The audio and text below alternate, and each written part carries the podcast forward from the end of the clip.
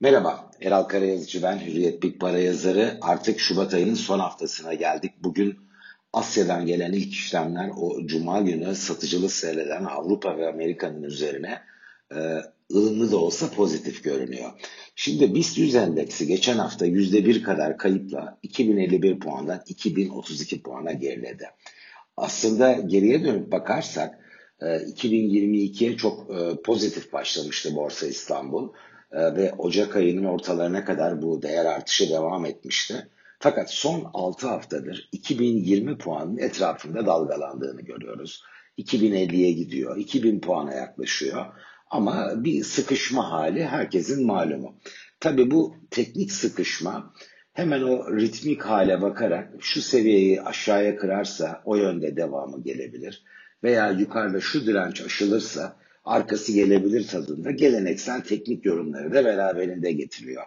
Ben e, o yönde bir yorum yapmayacağım. Daha temel dinamiklere bakacağım.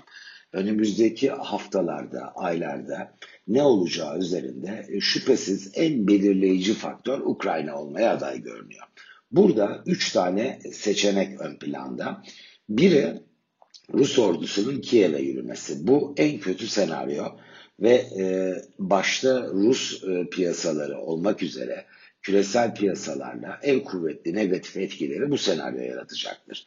Ben açıkçası bunun gerçekleşmesini beklemiyorum. İkinci bir senaryo Rusya'nın e, Donbas'ı hedefleyen bir askeri harekata girişmesi.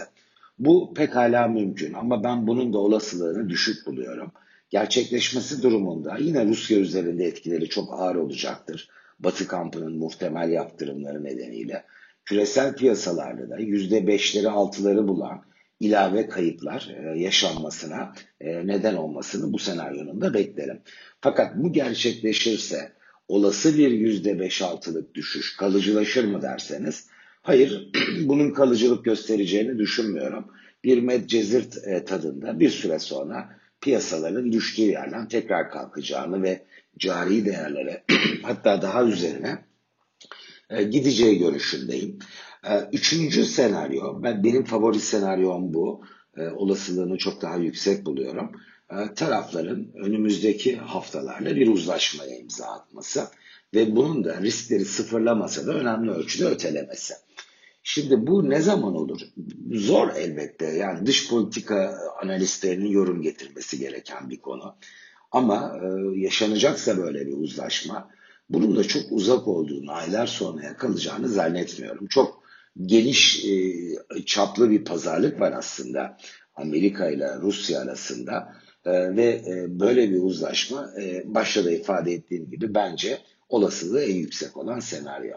Peki ne olur etkisi? Bu gerçekleşirse neyle karşılaşırız? Şimdi geriye çekilip bakarsak Mayıs-Haziran 2021'den beri yaklaşık 9 aydır aslında küresel borsa endekslerinde ana rota negatif. Biz Türkiye'de önden yüklemeli bir enflasyon fiyatlamasıyla 2021 yılının son çeyreğinde kuvvetli bir ralliye şahit olduk. Ama dış iklimi konuşalım dersek böyle bir şey yaşanmıyor. Ee, en azından Almanya'yı referans alırsak Avrupa'nın lider ekonomisi e, dolar bazında MSCI e, Almanya endeksinde biz e, bu süreçte %12 kadar bir e, gerilemeye şahit olduk. Kendi para birimi cinsinden bakarsak da DAX endeksi 15 bin puan civarında e, bir taban oluşturmaya çalışıyor. Eğer bir uzlaşıyla karşılaşırsak Ukrayna konusunda ben bunun önümüzdeki 3-5 ay içerisinde en geç Ağustos başına kadar olan kesit diye düşünüyorum. Borsalarda %20'leri bulabilecek ortalama e, bir ralliyi e, tetikleyeceği görüşündeyim. E, bu noktada DAX işte 15 bin puandan 17 bin 500 puan civarına kadar yükselebilir. Şüphesiz bu senaryo gerçekleşirse BIST adına da dış iklim destekleyici olacaktır. O zaman 2020 puan, 2030 puan etrafında dalgalanan BIST 100 endeksinde de biz önümüzdeki 3-5 ay içinde 2400-2500 puan gibi bir seviyenin test edildiğine pekala şahit olabiliriz. Bu nedenle var olan şartların hisse senedi yatırımlarına e, sürdürmek adına ben e, daha uygun olacağını, hisse senedi yatırımı yapmak ve risk almanın da e, pekala gündeme alınabilecek bir yatırım seçeneği olarak e, yerel tasarruf sahipleri adına da e, ilgi çekici olabileceği görüşündeyim.